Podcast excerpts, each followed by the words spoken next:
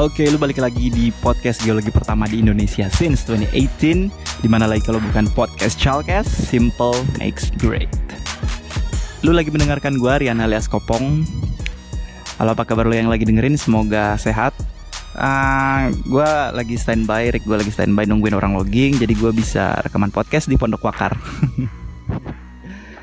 Oke apa itu Wakar? Wakar itu orang yang jagain Rick kalau malam-malam Jadi dia tidurnya di uh, samping rig atau dekatan sama rig.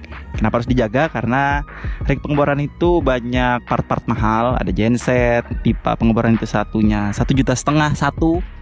Uh, yang second dia mana kalau gua itu biasa pakai 70 sampai 75 batang lu hitung sendiri berapa.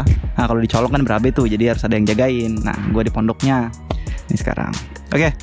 Langsung aja lu uh, mungkin udah pada tahu podcast Chalkes punya seri catatan pekerja tambang atau bisa kita sebut CPT yang mana biasanya ngomong soal batu bara yang bahas itu Yedi karena dia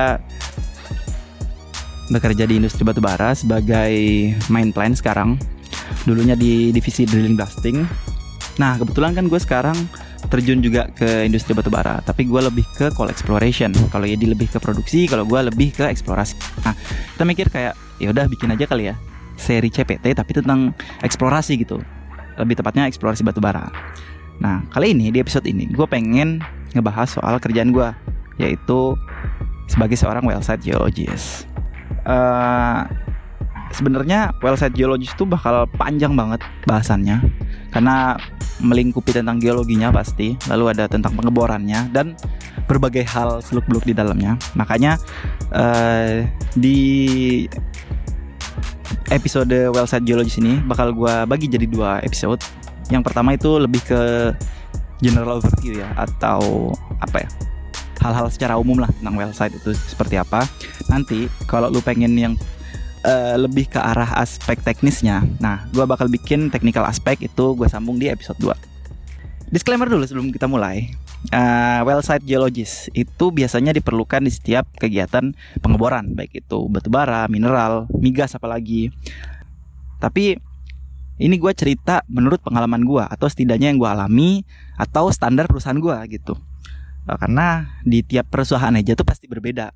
Apalagi di beda industri pasti jauh beda. Tapi secara umum gue yakin banget pasti uh, workflow dan ini itunya tuh bakal banyak yang sama. Dan gue juga bukan well set yang paling jago. Gue baru beberapa bulan aja menjalani pekerjaan ini, tapi di sini gue pengen sharing. Gue pengen cerita, jadi ya udah. Nah, uh, feel free aja ntar kalau misalnya ada kata-kata gue yang salah atau misalnya lu bilang, eh nggak gitu sih Pong, nggak nggak nanti uh, di, itu tuh bukan kayak gini. Nah, ada yang salah nih.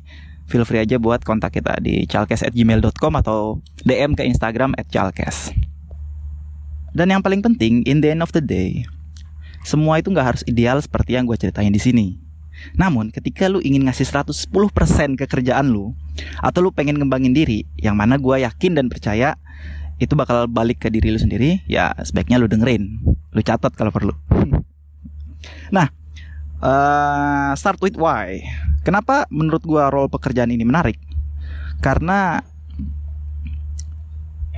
uh, well set geologis menurut gue adalah garda terdepan dalam eksplorasi lanjutan. Kenapa bukan eksplorasi awal ya? Karena eksplorasi awal itu biasanya dimulai dari studi pustaka, uh, surface mapping dan sebagainya. Nah ini lanjutan karena kita sudah ngebor, artinya ya sudah berpotensi wilayah itu untuk uh, apa namanya keterdapatan batu baranya sendiri. Dan juga anaknya itu geos banget gitu, well set tuh. Karena tiap hari tuh urusannya sama batu, kayak kuliah dulu kayak praktikum, tiap hari urusan sama batu, dan dinamika lubang bor. Jadi kayak anjir gas banget gitu kan. Ini ada berisik di depan gua ada Exa lewat. Jadi mungkin gua antar lagi pause dikit. Dan juga starting point yang bagus ketika uh, lu pengen berkarir sebagai geos gitu. Terutama di eksplorasi. Itu tuh jadi kayak pivot point untuk karir lu yang lebih tinggi di eksplorasi ke depannya. Jadi ini starting point yang bagus banget Oke, kita lanjut. Gua nggak ngerti kenapa tiba-tiba ada Exa lewat. Exa atau apa? Ekskavator ya. Ekskavator buat ngeruk, ngeruk tanah, buka jalan gitu. Nah, uh, untuk materinya, gue mungkin akan bahas soal pengertian dulu well site geologis itu apa, lalu tupoksi dan tanggung jawab, yang mana gue akan bagi ke dalam tiga sesi. Jadi ada sesi pra pengeboran, sesi pengeboran dan pasca pengeboran. Lalu syarat dan skill yang harus lu punya. Uh, kehidupannya gimana sih seorang well site geologist itu? Peluang dan dan karir serta uh, nah nanti yang paling banyak itu bakal di pra pengeboran, pasca pengeboran karena itu isinya teknis banget. Jadi kalau lu dengerin tapi lu bukan anak geologi ya uh, enjoy aja karena gue yakin masih bisa dinikmati kok.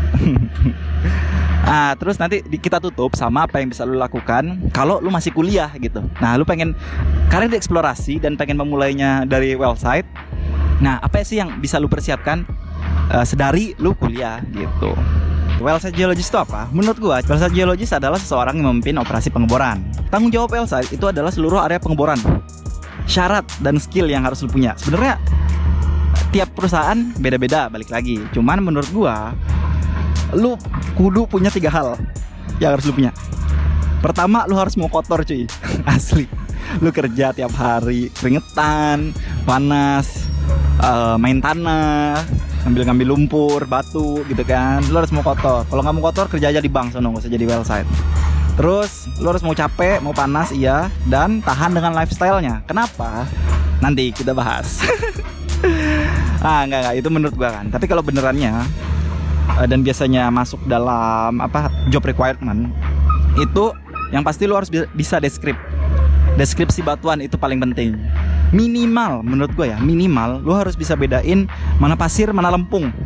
Kalau lu masih sulit bedakan mana sandstone mana claystone mudstone siltstone masih lama tuh bedainnya tuh. Nah mending lu belajar-belajar lagi dah. Atau lagi di kuliah sering-sering main ke lab lihat-lihat tuh batu tuh sampai lu cepat ngedeskripnya. Nggak perlu deskrip panjang-panjang kayak di praktikum lah. At least lu tahu ukuran butir pasir yang sedang kayak apa kasar gimana halus sangat halus gimana lempung itu batasnya sampai mana dan silt atau lanau itu batasnya sampai mana nah lu harus bisa deskrip satu Terus biasanya itu lulusan S1 geologi. Kenapa gue bi bilang biasanya? Ya karena emang banyak yang nggak S1 juga gitu. Sebenarnya SMK geologi juga udah bisa jadi well site di beberapa perusahaan. Uh, dan juga gue pernah lihat ya dan banyak juga teman-teman gue di sini dia lulusannya perminyakan, lulusan tambang juga bisa well site gitu. Karena masing-masing juga pasti punya basic geologi gitu. Nah semoga suara gue udah bagus ya sekarang karena ekskavatornya udah mulai jauh. Asli ini random banget. Oke, okay, lalu punya pengetahuan dasar soal drilling operation. That's why lo harus dengerin podcast Chalkes. uh, sehat, kuat, fisik dan mental. Lalu lu punya pengetahuan setidaknya soal survival dan K3 Karena balik lagi, lu kan yang bertanggung jawab tuh. Nanti kalau ada eksiden, ada kenapa-napa.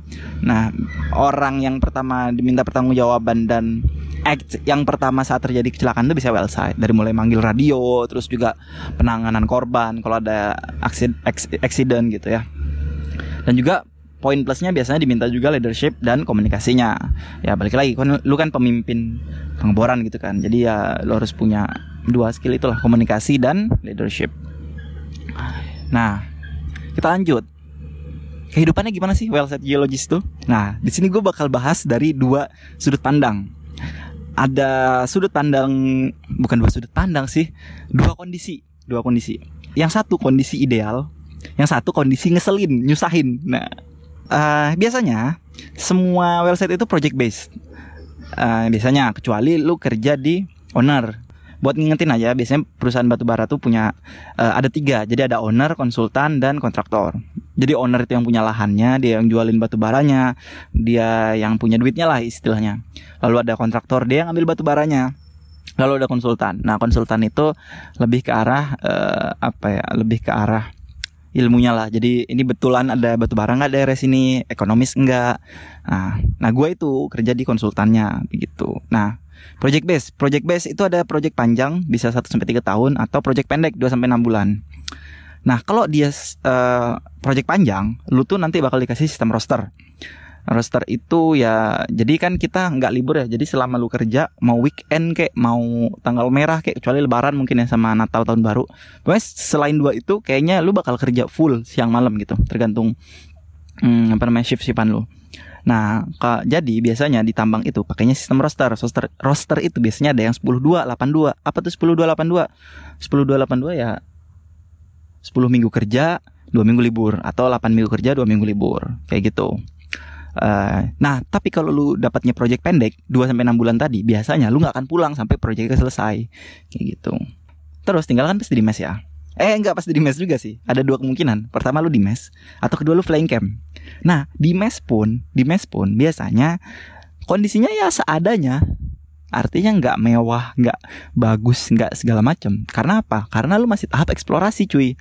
Beda mungkin sama uh, si Edi tuh yang dia udah diproduksi dia udah di kontraktor. Kenapa? Karena kan kalau di kontraktor kita udah tahu ya barangnya batu barangnya memang ada sekian, cadangannya sekian. Ini ekonomis tinggal diambil kan ditambang. Nah kalau eksplorasi kan lu nggak tahu ya batu barangnya ada kagak, ekonomis kagak gitu kan. Jadi kalau langsung perusahaan bikin fasilitas yang wow gitu, ya pasti rugi kan. Gimana kalau nggak tipis-tipis ternyata batu barangnya, nah, kan nggak bisa dijual gitu. Jadi jadi ya seadanya banget biasanya mes eksplorasi itu atau lu tinggal di flying camp Nah, kalau memang itu lokasi lu di Grandfield atau lokasi yang jauh mampus dari peradaban gitu. Nah, misalkan lu oh dari dari desa terdekat ke lokasi lu tiga jam gitu. Nggak mungkin kan lu bolak-balik tiga jam udah enam jam sendiri satu hari. Lu mau kerja berapa jam? Kayak gitu kan. Nah, biasanya mereka flying camp atau biasanya kalau pakai rig kecil dia um, kebanyakan sih flying camp. Nah, nanti itu masalah rig-rig nanti. Uh, kayak gimana sih flying camp tuh? Kurang lebih kayak tenda pengungsian bencana.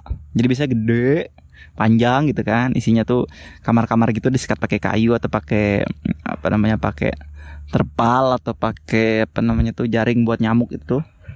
Nah biasanya juga nggak ada sinyal ya karena lu di hutan dan makanannya tuh based on supply jadi disuplai daging sayuran nanti dimasak di sana ada dapur umumnya Uh, biasanya ada toilet juga, cuman ya kalau mandi ke sungai. Biasanya gitu sih ya yang gue tahu. Karena gue uh, jujur, jijik banget. gue jujur belum pernah uh, flying camp, nggak pernah flying camp. Jadi gue tapi tahu karena di, di sekitar sini juga ada yang flying camp. Jadi gue tahu kondisinya, tapi gue nggak pernah ngerasain langsung. Nah lokasi kerja gimana? Lokasi kerjanya? Ada dua kemungkinan. Uh, pertama lu kerja jadi hutan, kalau masih eksplorasi itu kerja di hutan. Atau kedua lu ngebor di tambang. Nah udah kalau ngebor di tambang ya biasanya tuh di hauling atau di samping pit atau di pitnya bahkan. Tergantung nanti tujuan pengeboran itu buat apa Nah kalau jam kerja nih urusan jam kerja Kalau di office lu kerja Bukan office ya Maksudnya lu kerja kantoran gitu kan lu Kerja kantoran Di bank atau di Mana kayak biasanya kan 9 to 5 uh, masuk kerja jam 9 pulang jam 5 gitu kan tiap hari diulang-ulang. Kalau di kerjaannya kayak gua atau kayak Yedi di batubara biasanya jam kerjanya itu 12 jam jadi buang tuh 9 to 5 lo gitu. Gak berlaku kerja 12 jam. Lu masuk jam 7 pulang jam 7 Lu uh, shift siang lu kerja masuk jam 7 pagi pulang jam 7 malam. Kalau lu shift malam ya masuk jam 7 malam pulang jam 7 pagi. Idealnya seperti itu. Meskipun lu tetap bisa pulang cepat juga kalau misalnya ada standby atau ada sesuatu nah, itu biasanya nggak full 12 jam sih. Cuman tetap di laporan tetap pasti 12 jam. Kayak gitu terus kalau lu di perusahaan bagus atau di PKP 2B yang gede gitu ya atau perusahaan plat merah Nah biasanya safety-nya bagus tuh, safety-nya bagus, seragaman gitu. Uh, fasilitasnya kerja lengkap, lu tinggal request ini itu tinggal minta gitu kan. Nah tapi kalau uh, perusahaan ownernya tuh kurang gitu ya, ya udah seadanya semua. Safety ya ala kadar gitu, sepatunya AP boots, nggak yang pakai apa namanya tuh, yang ada besinya di depan gitu. Uh, terus ya lu kerja pakai kaos juga nggak masalah karena nggak ada orang safety. Ya tapi hmm, gimana ya udah udah safety-nya seadanya aja gitu. Tapi bukan bukan berarti itu jelek nggak juga karena kan operator-operator lu juga pasti udah udah paham udah udah ngerti gimana cara kerja yang aman sih. Jadi bedanya lu nggak pakai atribut aja kayak gitu. Ya kalau lu juga punya skill dasar tentang K3 tentang safety ya lu aplikasikan buat diri lu sendiri aja. Kayak gitu. Um, terus gimana kalau lu mau jadi well side? Nah kita bahas masalah peluang dan karir. Jadi menurut gua balik lagi menurut gua itu banyakin link aja. Banyakin link asli karena banyak lowongan-lowongan website geologis itu cuma dari share-sharean WA asli atau Telegram kayak gitu. Uh, kalau di website atau uh, situs pencari kerja itu LinkedIn masih jadi nomor satu sih. Intinya gini, ketika lu tinggal di Kalimantan atau Sumatera dan lu mau tanda kutip capek, ya udah gawean mah tuh pasti ada aja. Pasti gue yakin 100% ketika lo di Sumatera atau di Kalimantan. Kalimantan sih lebih lebih ininya tepatnya. Nah, jadi tinggal lu pinter-pinter nyari aja gitu. Tapi balik lagi kan kondisi kerjanya yang kayak gue bilang tadi ada kondisi ideal sama kondisi ngeselin gitu. Karena kalau lu yang penting pengalaman dan cuannya ya ya lu terabas semua gitu cuy. Ah untuk karir jenjang karirnya gimana? Kan tadi gue bilang well saya tuh starting point lah kan entry level gitu. Makanya semua bisa masuk. Biasanya mereka jarang ada ngasih minimal pengalaman gitu. Meskipun di perusahaan ada beberapa. Jadi lu fresh grade juga bisa biasanya gitu. Nah, well site itu biasanya setara sama database geologis. Database itu yang ngumpulin data-data dari well site diolah di office yang akan dikasih ke owner. Intinya kayak gitu, database geologis dan juga uh, 11-12 sama call sampling juga divisi call sampling. Itu nanti yang bakal nyampling batu bara yang didapatkan dari pengeboran. Uh, nanti di atasnya sedikit itu biasanya ada drill pad atau korlap korlap uh, koordinator lapangan. Drill pad itu uh, kerjaannya lebih ke nyari titik pengurusan lahan terus juga apa namanya berhubungan langsung sama warga kayak gitu. Nah dan juga biasanya mengepalai satu wilayah gitu kan. Jadi misalnya satu wilayah itu ada tiga rig gitu tiga rig yang beroperasi di IUP itu. Ya udah biasanya drill peta itu cuma satu. Biasa dia bekerja sama sama humas. Nah selanjutnya karir lu selanjutnya itu biasanya jadi geologis atau eksplorasionis geologis. Meskipun kayak gue sekarang ini meskipun gue website geologis tapi gue juga eksplorasionis juga. Kenapa? Ya karena tugas gue bukan cuma di rig uh, bukan cuman ngejedok aja direct gitu seharian enggak karena gue masih harus mapping harus sampling uh, harus channel sampling harus uh, banyak lah geotek juga kayak gitu. Jadi tidak terbatas direct doang kerjaan gue jadi sebenarnya gue itu website yang merangkap sama explorationist kayak gitu. Nah setelah lu mungkin lu punya pengalaman cukup lama di lapangan dan lu udah punya sense of geological yang baik gitu ya biasanya lu akan naik lu akan naik menjadi modeler.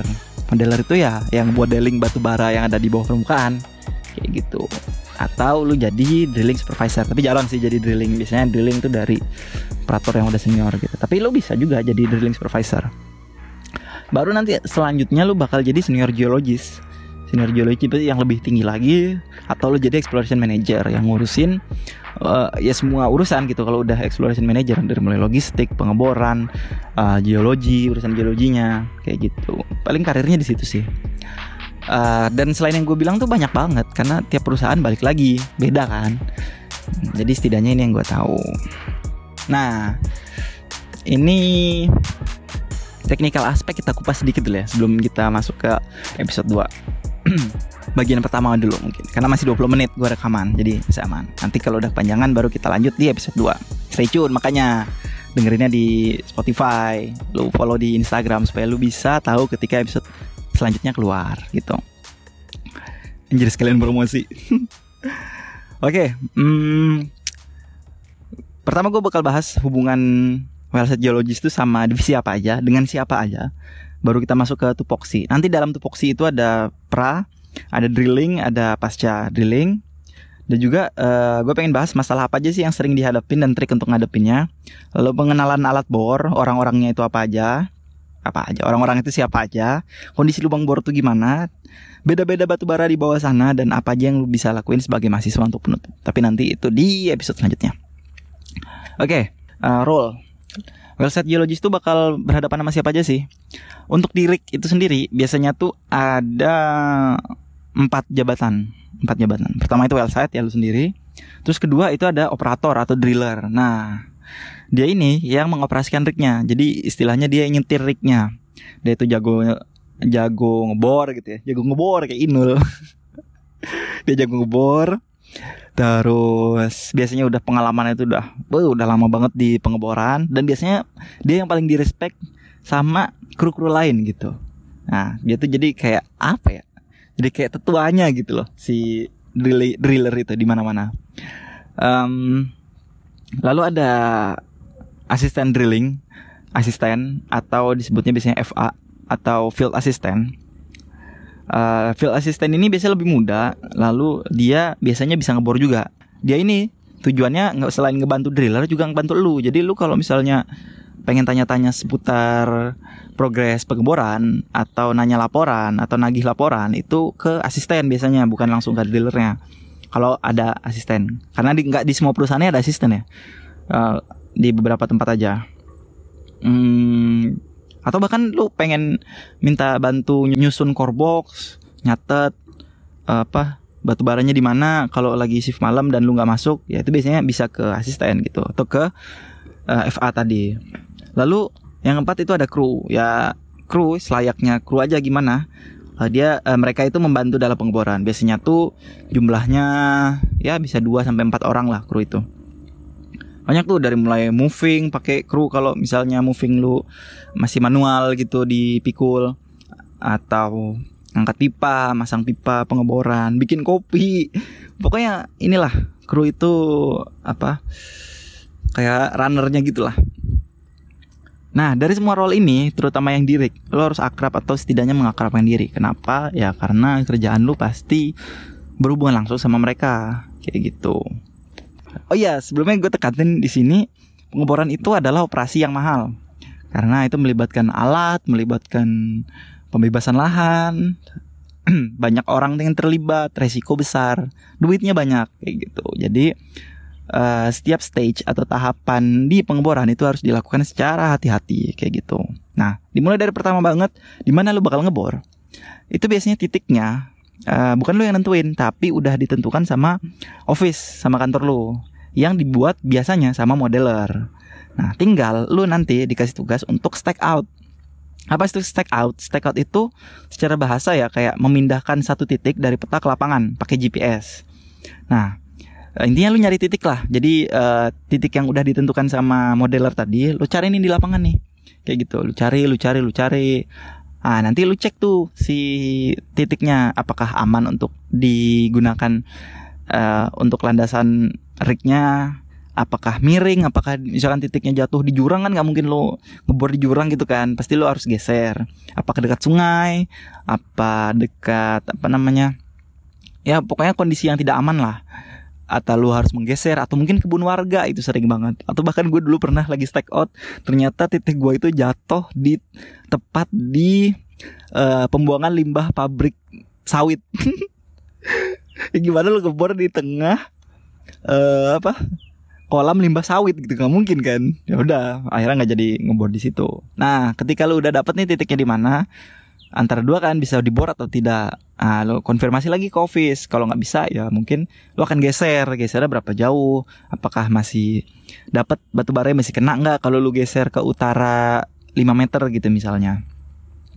Uh, mungkin kan nggak buat dibor? Kayak gitu. Nah kalau geser lo konfirmasikan ke arah mana dan berapa jauh titik uh, berapa jauh uh, gesernya itu. Nah nanti baru lo marking marking lagi atau stack in namanya.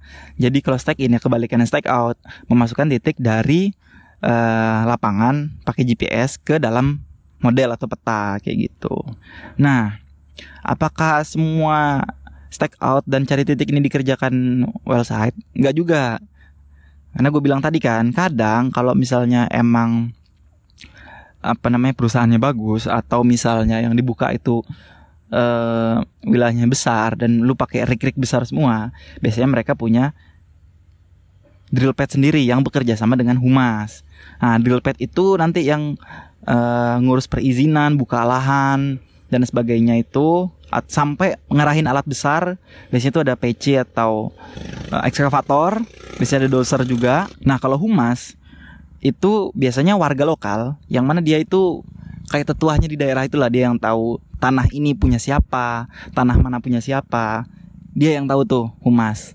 Biasanya dipekerjakan sama perusahaan kayak gitu. Nah nanti bareng tuh dilepet sama humas, nyari titik, buka lahan, ngurus akses, uh, pembebasan tanah, pembayaran tanah kayak gitu. Jadi lu harus kerjasama juga sama Drillpad dan humasnya sebagai well site gitu. Nah Baru nanti ketika di lapangan udah siap nih, udah ready semua buat ngebor, lu nggak bisa langsung nojos-nojos baik itu apa namanya lubang ke pengeboran. Lu harus tunggu dulu adanya izin atau approval biasanya disebutnya atau drill plan atau apa pun lah itu disebutnya.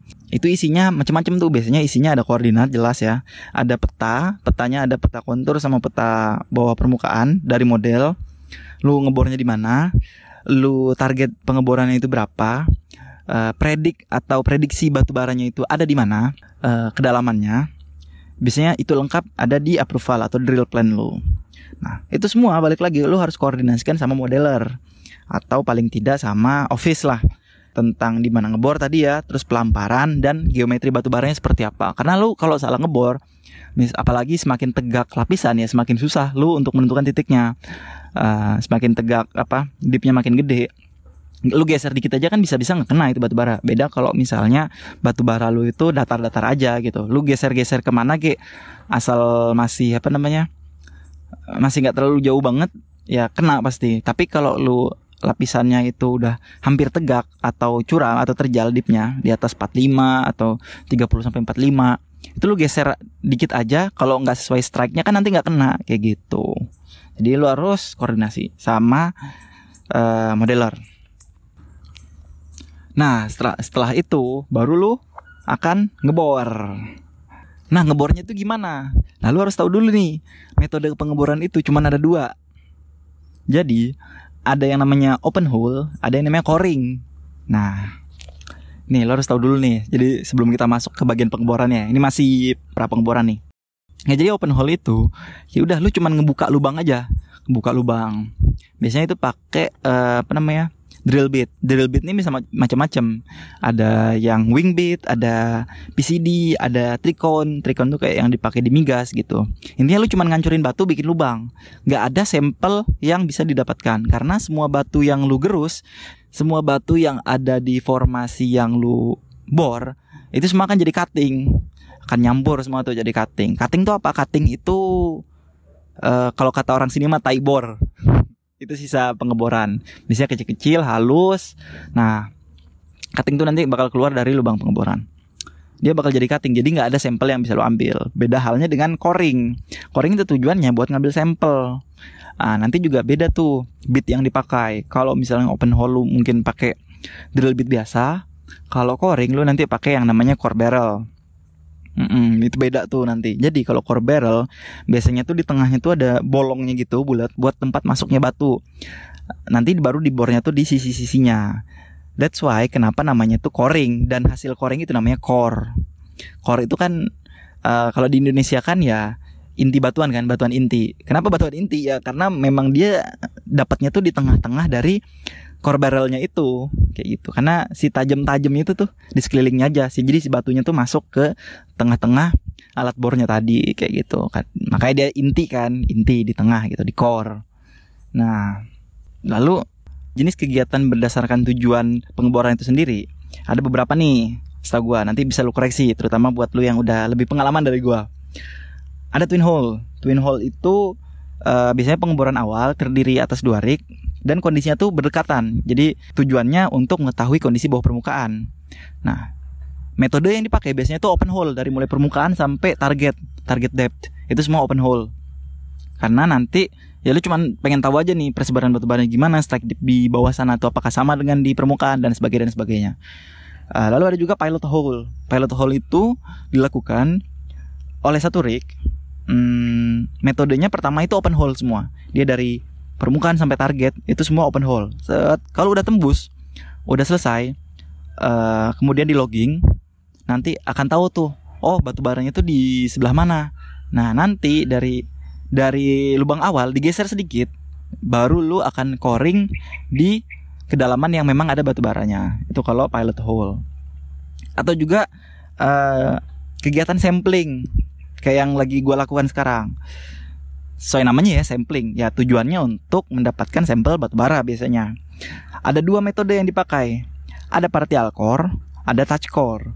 Kalau partial core itu jadi di mana lu open hole dan di mana lu coring itu sudah ditentukan oleh modeler. Jadi modeler ini bakal memperkirakan nih, oh batu bara ini di kedalaman berapa sih? Katakanlah target kedalaman lu 150 meter target depth lu dan batu baranya tuh ada di kedalaman 20 sampai 25 meter. Ya udah lu pasti bakal disuruh coring dari kedalaman 15 meter sampai mungkin 30 kayak gitu. Atau mungkin bahkan dari 0 meter lu coring sampai nanti 50 meter. Nanti sisanya di open kayak gitu. Itu namanya partial core. Jadi sebagian core gitu sebagian coring gitu. Sebagian coring sebagian open hole. Nah kalau touch core beda hal tuh. Kalau touch core ya bener bener-bener lu bakal lu hanya bakal ngecoring kalau dapat batu baranya. Jadi ketika lu touch batu bara keluar cutting airnya batu bara ya udah lu berhenti ngebor langsung ganti drill bit pakai core barrel langsung di coring kayak gitu. Nah ini punya kelebihan kekurangan masing-masing nih. Kalau partial core biasanya uh, lu bakal dapetin top dan bottom dari lapisan batu bara tersebut kayak gitu. Jadi lu bisa analisis lengkap tuh karena nggak akan ada bagian yang tergerus. Kan apa namanya kan uh, sudah prediksi gitu dari awal sama modeler batu bara itu di mana. Jadi lu bakal dapat full utuh lapisan batu baranya. Gak akan ada yang kegores kecuali memang dari data dari modelernya itu salah. Kalau touch core ya resikonya topnya pasti habis gitu. Topnya pasti habis atau bahkan kalau udah kedalaman itu dalam banget di atas 100 150 meter. Ka kalau batu baranya tipis di bawah satu meter ya ada kemungkinan lu touch touch core sekarang ganti core barrel pas masuk lagi batu bara udah habis udah kegerus duluan. Kayak gitu. Uh, tapi ya resiko partial core itu ya lebih lama lebih lama. Dan juga ya bisa bisa jadi prediksi dari modeler kan nggak akurat. Ya gue sering banget gitu. Ngekoreng 30 meter 25 meter. Terus tapi nggak ada batu bara sama sekali batu bara malah ke open. Itu sering banget. Ya itu resiko balik lagi. Uh, atau juga kegiatan namanya geotek, geotek sampling. Geotek sampling itu dari mulai permukaan dari kedalaman 0 sampai target kedalaman lu sampai target depthnya itu full coring. Di coring semua nggak ada yang nggak di coring. Dan nanti sampelnya bakal lu ambil dan nggak boleh sampelnya nggak boleh retak, nggak boleh pecah, harus bagus. Begitu diambil, begitu keluar itu sampel si core-nya itu kan panjang-panjang, langsung lu bungkus, langsung dimasukin ke dalam pipa PVC dan lu ambil sebagai sampel geotek. Nanti lu bakal ngeliat tuh kondisi atau sifat fisik dari batuan formasi di bawah permukaan. Ada juga pengeboran air tanah. Nanti casingnya tuh bolong-bolong tuh dia ada filternya kayak gitu. Nah ini kita nungguin ekskavator lewat lagi sebentar.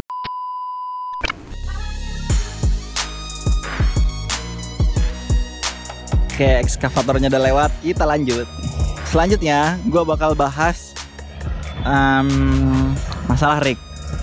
Hmm, jadi rig itu terbagi dua. Kalau di batubara ya, rig itu ada dua. Ada rig besar, ada rig kecil.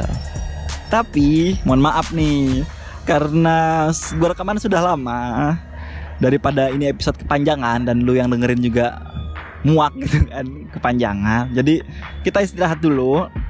Uh, eh, gue bakal lanjutin pembahasan masalah well site ini di episode selanjutnya setelah episode ini banget uh, makanya lu stay tune terus supaya lu tahu kapan episode yang ini bakal keluar eh yang lanjutannya bakal keluar bakal kita update di Instagram @chalkes Terima kasih buat lu yang udah dengerin sampai menit ini.